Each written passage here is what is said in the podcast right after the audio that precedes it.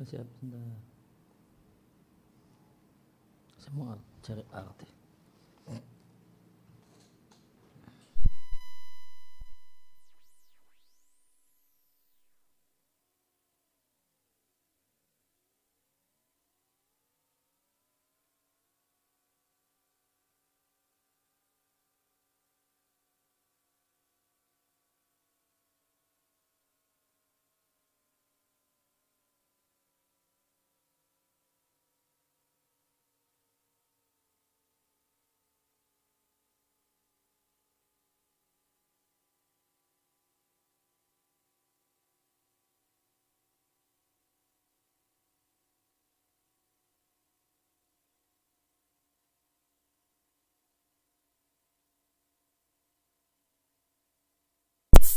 Alhamdulillah wassalatu wassalamu ala rasulillah wa ala alihi wa sahbihi wa man tabi'ahum bi ihsanin ila yaumidin amma ba'd.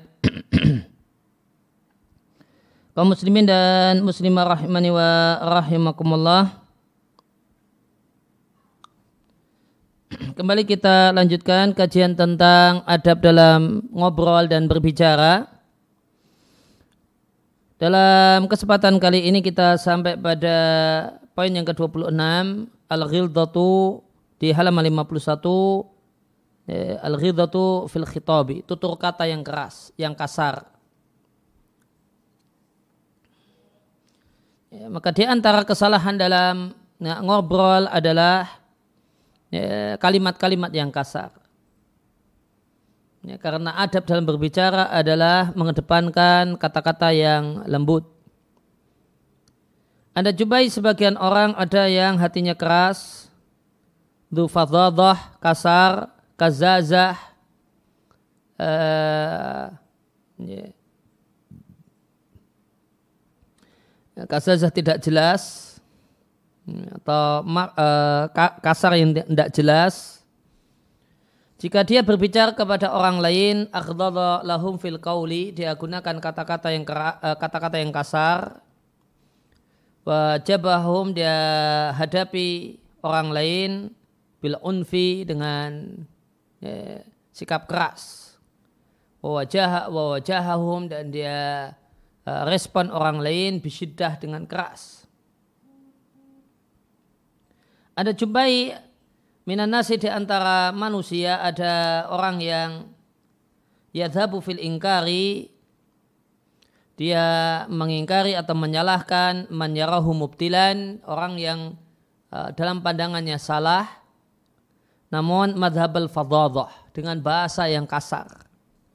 Fadhadah fil qawli perkataan yang kasar.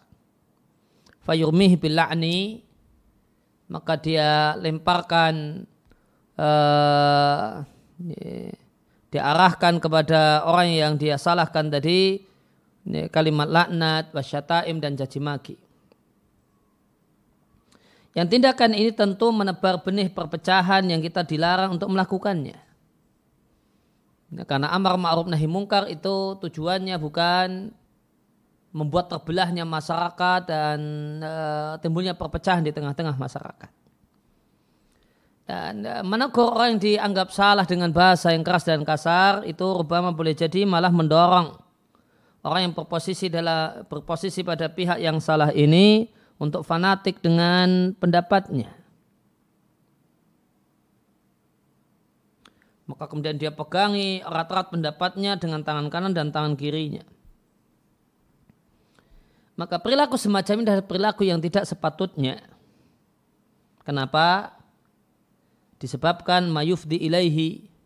Dampak dari ucapan yang kasar dampaknya hanyalah min syarin kejelekan. Timbulnya permusuhan dan saling benci.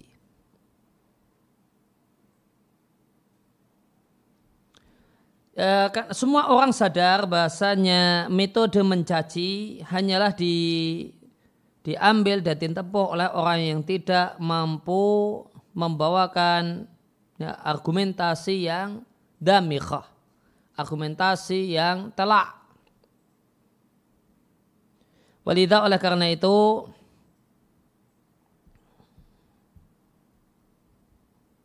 Anda lihat perkataan yang ditata fi saati sadrin dalam dada yang lapang dan penuh adab terhadap orang yang berbeda pendapat. Maka kata-kata ini ya jidu minal qabuli mendapatkan respon diterima.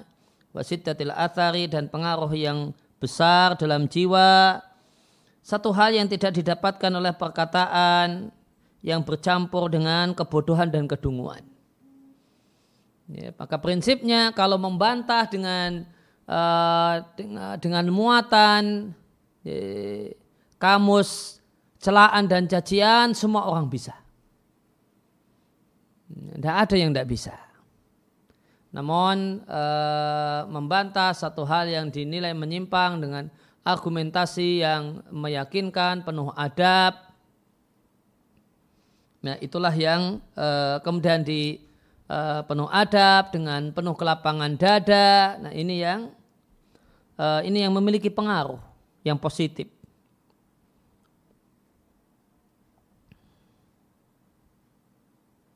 Maka perkataan yang tayyib, perkataan yang baik, perkataan yang uh, menjaga kehormatan dari perkataan yang kecil, perkataan yang lembut itu satu hal yang indah. Ma'al astiqai satu hal yang indah disampaikan kepada kawan ataupun pada musuh. Jami'an semuanya. Ya, perkataan yang lembut itu bukan hanya ditujukan pada kawan, pada teman, perkataan yang lembut juga satu hal yang indah ketika diberikan kepada orang yang tidak suka, orang yang benci dan orang yang memusuhi. Ya, karena perkataan yang indah ini lahu simaruha al-hulwah. Memiliki buah yang manis. Dan memiliki luhu naungan yang warifah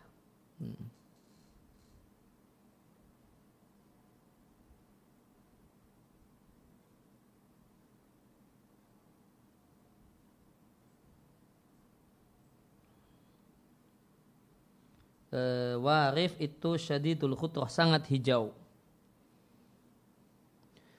Ya, kemudian ya, fa'amamal astiqai perkataan yang lembut yang digunakan ketika ngobrol dengan kawan ini memiliki manfaat menjaga rasa cinta kawan pada diri kita melanggengkan persahabatan mencegah menghalangi itu budaya setan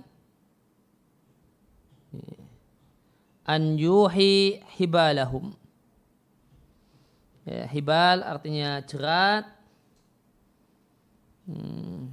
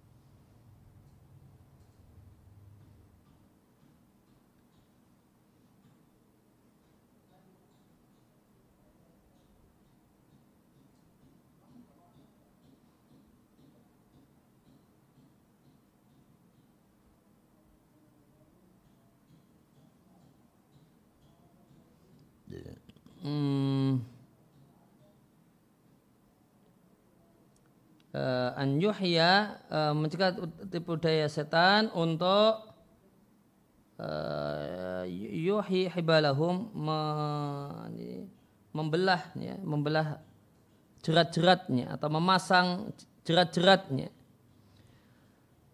dan mencegah tipu daya setan yang mau merusak hubungan di antara mereka. Fasyaitanu mutarabisun karena setan itu menunggu-nunggu manusia. Dia ingin ya, menjerumuskan di antara manusia permusuhan dan kebencian. Dan dia wa ayat ja'ala dia jadikan ya, perselisihan yang remeh itu menjadi peperangan yang berdarah-darah. Walan ya sudah atariqa amamau dan tidak ada yang menutup jalan di hadapan setan ya, kal kaulil jamili seperti ya, perkataan yang indah. Halaman 52. Kemudian berikutnya adalah manfaat perkataan yang baik bersama orang yang tidak suka dengan kita. Sedangkan perkataan yang baik bersama musuh dan orang yang tidak suka, maka itu memadamkan api perseteruan. Mematahkan tajamnya permusuhan. Atau minimal menghentikan perkembangan berkembangnya kejelekan dan eh, dan bertebarannya asyarar ya, keburukan.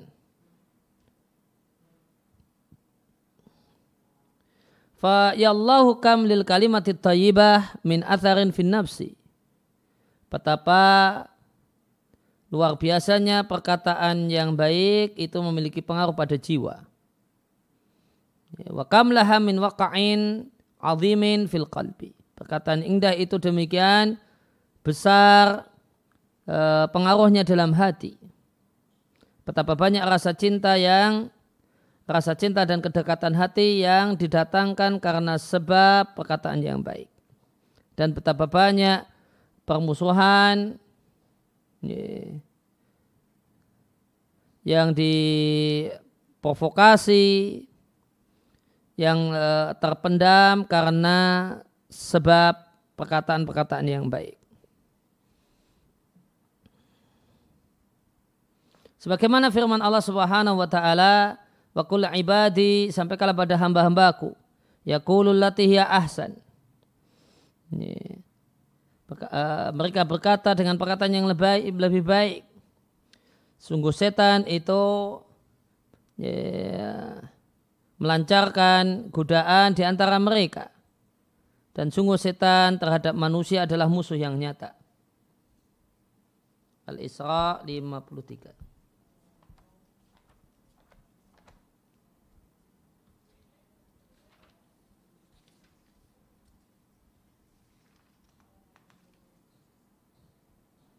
Di Al-Muqtasar fit Tafsir maknanya sampaikan wahai sang Rasul pada hambaku orang-orang yang beriman kepada aku.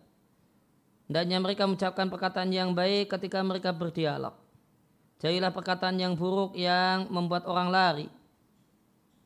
Karena setan akan memanfaatkan perkataan yang buruk tersebut dan dia akan berupaya akan merusak kehidupan dunia mereka, kehidupan dunia dan akhirat mereka. Sehingga setan bagi manusia adalah musuh yang menampakkan permusuhannya.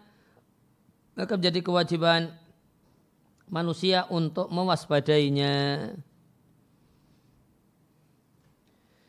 Ibnu Katsir rahimahullah taala ketika menjelaskan ayat ini Al-Isra 53, Allah tabaraka wa taala memerintahkan hambanya dan rasulnya sallallahu alaihi wasallam akan memerintahkan para hamba Allah yang beriman untuk mengatakan dalam fi mukhatabatihim dalam dialog mereka dalam perkataan mereka dan dialog-dialog mereka. Ya, hendaknya ya, mengatakan perkataan yang baik perkataan yang taib yang menyenangkan. Karena jika mereka tidak melakukan hal tersebut setan akan menimbulkan godaan di antara mereka.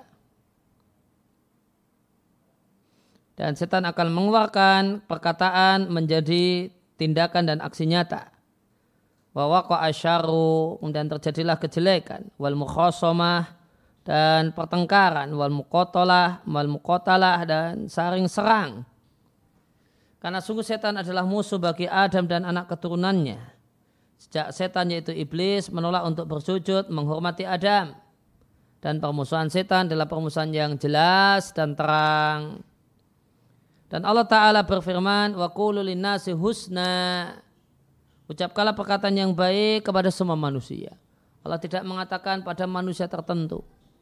Non kepada semua manusia. Ibnu Sa'di rahimahullah ta'ala ketika menjelaskan ayat ini dan di antara perkataan yang baik mengajak kepada yang ma'ruf melarang yang mungkar.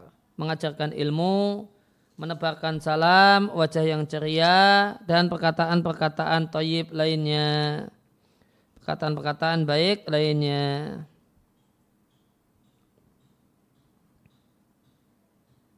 Halaman 53. Walimakan al-insanu dikarenakan manusia laya sa'u an-nasa. Tidak bisa menarik orang lain dengan hartanya. Maka Allah perintahkan dengan perkara yang ya, manusia itu mampu untuk mewujudkannya. Yaitu berbuat baik kepada setiap orang. Dan itulah ya, berbuat baik dalam bertutur kata. Ya, sehingga fidimni tidak uh, secara tidak langsung terdapat larangan berkata-kata yang jelek meskipun kepada orang kafir. Karena Allah katakan, katakanlah ucapan yang baik kepada semua manusia. Maka jika perkataan yang lembut itu indah bersama setiap orang, maka sungguh perkataan lembut itu indah ketika digunakan kepada orang yang memiliki hak, memiliki kedudukan, memiliki pangkat dan kedudukan. Maka lebih lebih lebih lagi, lebih indah lagi. Maka berbicara kepada mereka dengan lembut perkara yang diperintahkan menurut syariat, menurut akal sehat dan fitrah ya berbicara lembut kepada orang-orang yang punya hak atas kita guru orang tua orang yang lebih tua ya pak lurah pak camat pejabat pemerintahan dan yang lainnya dan demikianlah Nabi Shallallahu Alaihi Wasallam beliau berbicara ya, kepada semua pemimpin uh, klan dan dan kabilah-kabilah. Dan Allah Ta'ala berfirman kepada Musa alaihissalam ketika Allah mengutus Musa untuk menemui Fir'aun. Pergilah kalian berdua temui Fir'aun innahu tara. Sungguh dia telah melampaui batas dan ucapkanlah kepadanya perkataan yang baik, perkataan yang lembut. Mudah-mudahan dia mengambil pelajaran atau merasa takut. Dan Allah Azza wa Jalla berfirman di ayat yang lain, pergilah temui Fir'aun, dia melampaui batas. Sampaikan kepadanya, maukah engkau antazaka mensucikan diri? Atau aku beri petunjuk, ya, atau aku tunjukimu menuju Rabbmu, fatarsha lantas engkau merasa takut. Ibnul Qayyim rahimahullah ta'ala mengatakan, ya, renungkanlah bagaimanakah ketaatan Musa terhadap hal yang diperintahkan kepadanya. Diperintahkan eh, tutur kata yang lembut. Lantas ini dipraktekkan oleh Musa dengan Musa berkata kepada Fir'aun. Halaka ila anta zakka. Apakah anda berkenan untuk mensucikan diri? Dan kutunjukkan kepada anda jalan Rabbmu sehingga engkau merasa takut. Ya, maka ini lembut. Kenapa? Karena Musa menyampaikan perkataannya kepada Fir'aun dalam bentuk kalimat tanya dan paparan bukan dalam bentuk perintah dan instruksi. Ila anta zakka untuk mensucikan diri. Ya, uh, Musa tidak mengatakan uh, aku akan sucikan dirimu dengan menasabkan perbuatan itu pada dirinya. Wadakar labzat tazakka dan disebutkanlah menggunakan kata-kata tazakka bukan kata-kata yang lainnya karena terdapat padanya keberkahan, kebaikan dan perkembangan. Kemudian di alam 54 dan Musa mengatakan wa ahdiyaka ila rabbika. Aku atau aku tunjukkan kepada Rabbmu. Ya, maka aku seakan-akan penunjuk jalan. Ya, baina yadaihi di hadapan Allah. Seorang yang berjalan ama maka di hadapanmu ila rabbika menuju Rabbmu. Ini seruan iman, keimanan kepada Allah zat yang menciptakannya dan memberikan rezeki kepadanya dan mendidiknya dengan berbagai macam nikmat yang kecil ataupun nikmat yang besar.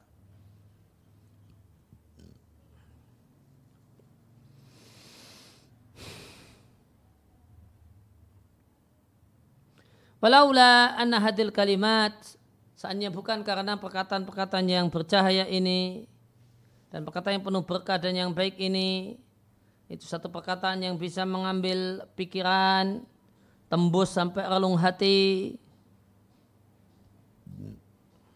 Laulah seandainya kalimat ini menjumpai hati yang keras,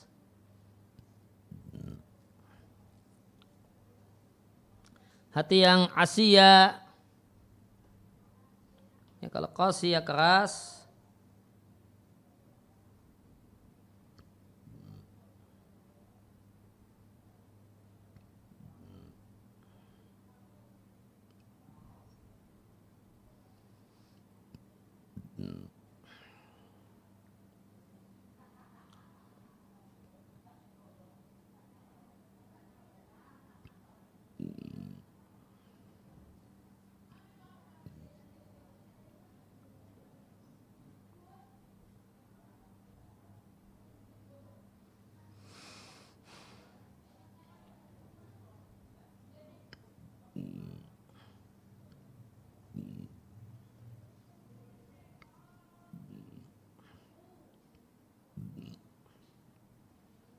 Bisa artinya keras, kering.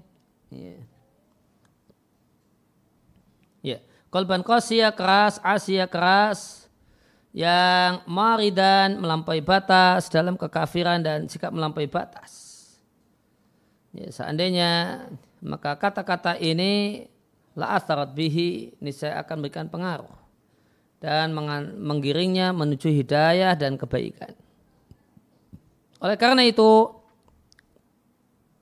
maka demikian juga perkataan uh, Ibrahim Al-Khalil kepada ayahnya, Wahai ayahku, lima kenapa engkau menyembah sesuatu yang tidak bisa mendengar dan melihat dan tidak bisa menolongmu sedikit pun. Wahai ayahku, sungguh telah datang kepadaku minal ilmi ilmu yang tidak datang kepadamu, ikutilah aku akan kutunjukkan padamu jalan yang lurus.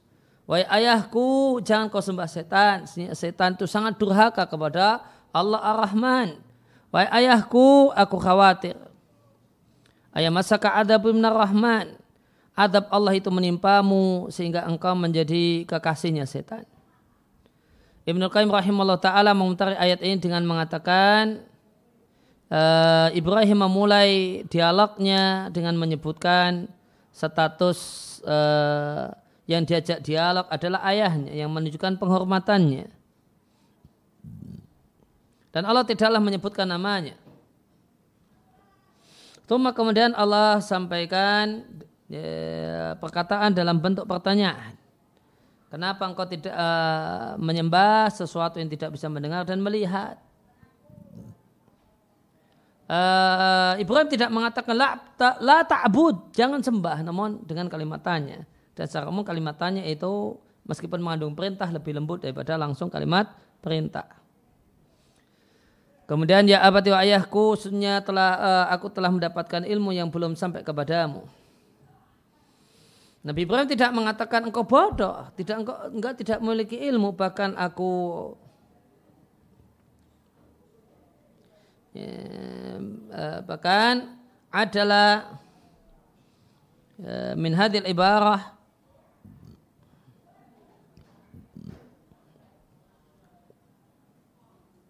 Bahkan dibelokkan dari ungkapan ini kepada ungkapan yang lebih lembut. Tadulu ala hadal makna yang menunjukkan pesan yang sama. Ya, maka dengan mengatakan ja'ani minal ilmi malam ya'tika. Datang padaku ilmu yang tidak datang kepadamu. Ini bahasa lainnya sebenarnya kamu bodoh, saya pintar. Namun kalau mengatakan demikian itu kasar. Tapi kalau telah datang padaku ilmu yang belum datang kepadamu, maka ini masih uh, mengandung unsur ke kelembutan.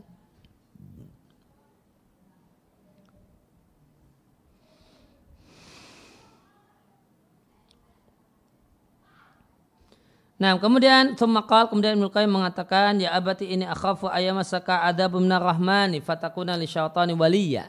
Halaman 55.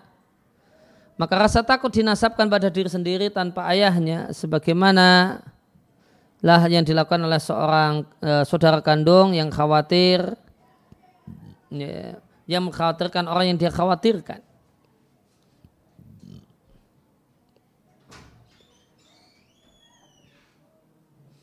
Wakal uh, Ibnu Qayyim mengatakan ayamas saka uh, maka disebutkanlah kata-kata masa yang itu adalah ungkapan yang paling lembut dibandingkan yang lain.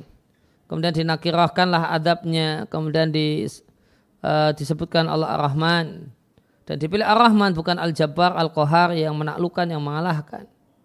Fafi khitabin maka dalam kata-kata seperti apakah yang lebih lembut lebih lembut daripada hal ini.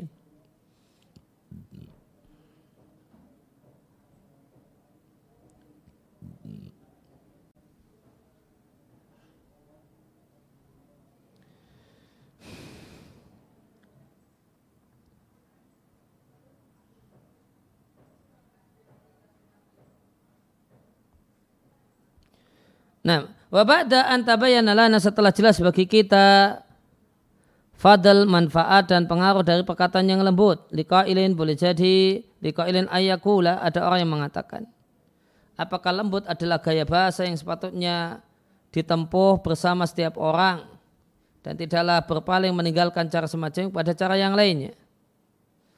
Maka jawabannya kita katakan betul, inilah hukum asal dalam berbicara, meskipun kepada orang yang berbeda dengan kita. Sebagaimana firman Allah Ta'ala, janganlah kalian debat ahli kitab kecuali dengan cara yang lebih baik. Akan tapi boleh jadi seorang itu uh, berpaling kepada yang lainnya. Uh, semula kata-kata lembut berubah menjadi kata-kata yang lainnya sesuai dengan tuntutan hikmah dan kedudukan keadaan.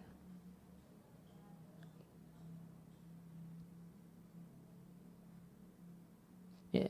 Misal dalika contohnya ayajur alaina athimun. Ada seorang pendosa yang zalim kepada kita. Lantas dia melampaui batasannya. Ya, dan dia ya lucu fi utuwihi. Ya, dalam dia ya, ngotot fi utuwihi dengan sikapnya melampaui batas wa nufurihi dan ketidaknyamanan dirinya.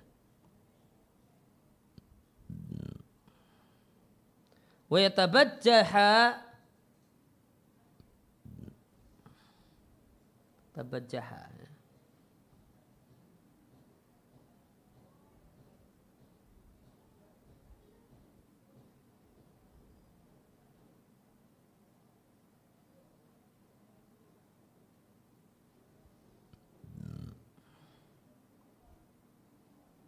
membanggakan takabbara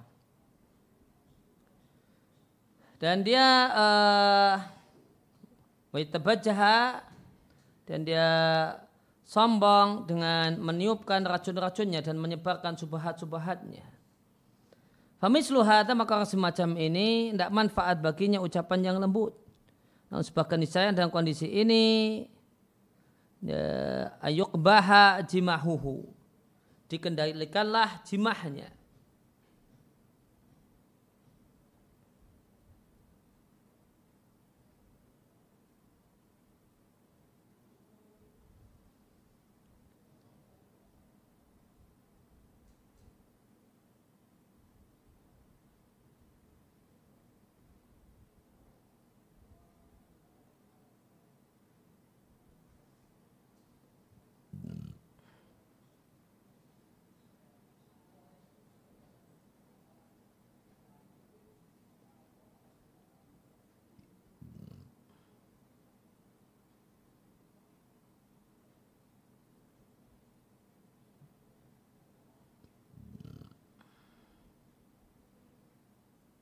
ya, semaunya. Ya, ya dikendalikan jimahuhu uh, ya tindakannya semaunya. Ya, wa dan dicegah permusuhannya. Oleh karena itu Allah Ta'ala berfirman di lanjutannya ayat yang lewat tentang mendebat ahli kitab kecuali kepada orang-orang yang zalim. Oleh karena itu maka adalah Nabi Musa alaihissalatu wassalam bersikap lembut kepada Fir'aun. Raya tatalatub sangat lembut. Di halaman 56 di awal-awal dakwah sebagaimana baru saja kita bahas. Non ketika Musa melihat Fir'aun itu keras kepala dan sombong dan berupaya untuk menghalangi dari kebenaran setelah jelas baginya dalil. Wastabana telah nyata baginya jalan aghladalahu fil khitabi. Maka Musa menggunakan kalimat-kalimat yang keras sebagaimana firman Allah taala uh, menceritakan perkataan Musa wa inilah adunnuka ya fir'aunu mathbura. Dan aku punya prasangka kuat wahai Fir'aun engkau adalah orang yang dihancurkan. Maka bandingkan uh, kalimat ini, tutur kata ini, perkataan ini dengan perkataan yang pertama ketika uh, awal-awal Nabi Musa mendakwai Fir'aun. Dan pada akhirnya setelah Musa putus asa dari Fir'aun, uh, Musa uh, mendoakan jelek Fir'aun dengan doa-doa yang luar biasa yang menjadi sebab kebinasan Fir'aun dan kehancurannya. Ya, wakala Musa, Musa mengatakan, Wahai Rabb kami, engkau telah berikan pada Fir'aun dan telah memenuhinya perhiasan dan harta dalam kehidupan dunia. Wahai Rabb kami, sungguh Fir'aun menyesatkan dari jalanmu. Ya Allah, hancurkanlah harta mereka. Dan ikat kuat-kuat hatinya sehingga mereka tidak beriman sampai mereka melihat seksamu yang pedih. Kemudian Allah katakan, Qad ujibat da'watu kuma doa kalian berdua Musa dan Aaron telah dikabulkan. Luruslah dan jangan mengikuti jalan orang-orang yang tidak berilmu. Maka di antara doa jelek Nabi Musa untuk Fir'aun adalah kehancuran harta. Eh, maka mendoakan kehancuran eh, harta orang yang memusuhi dakwah. Memusuhi Islam, dakwah Islam.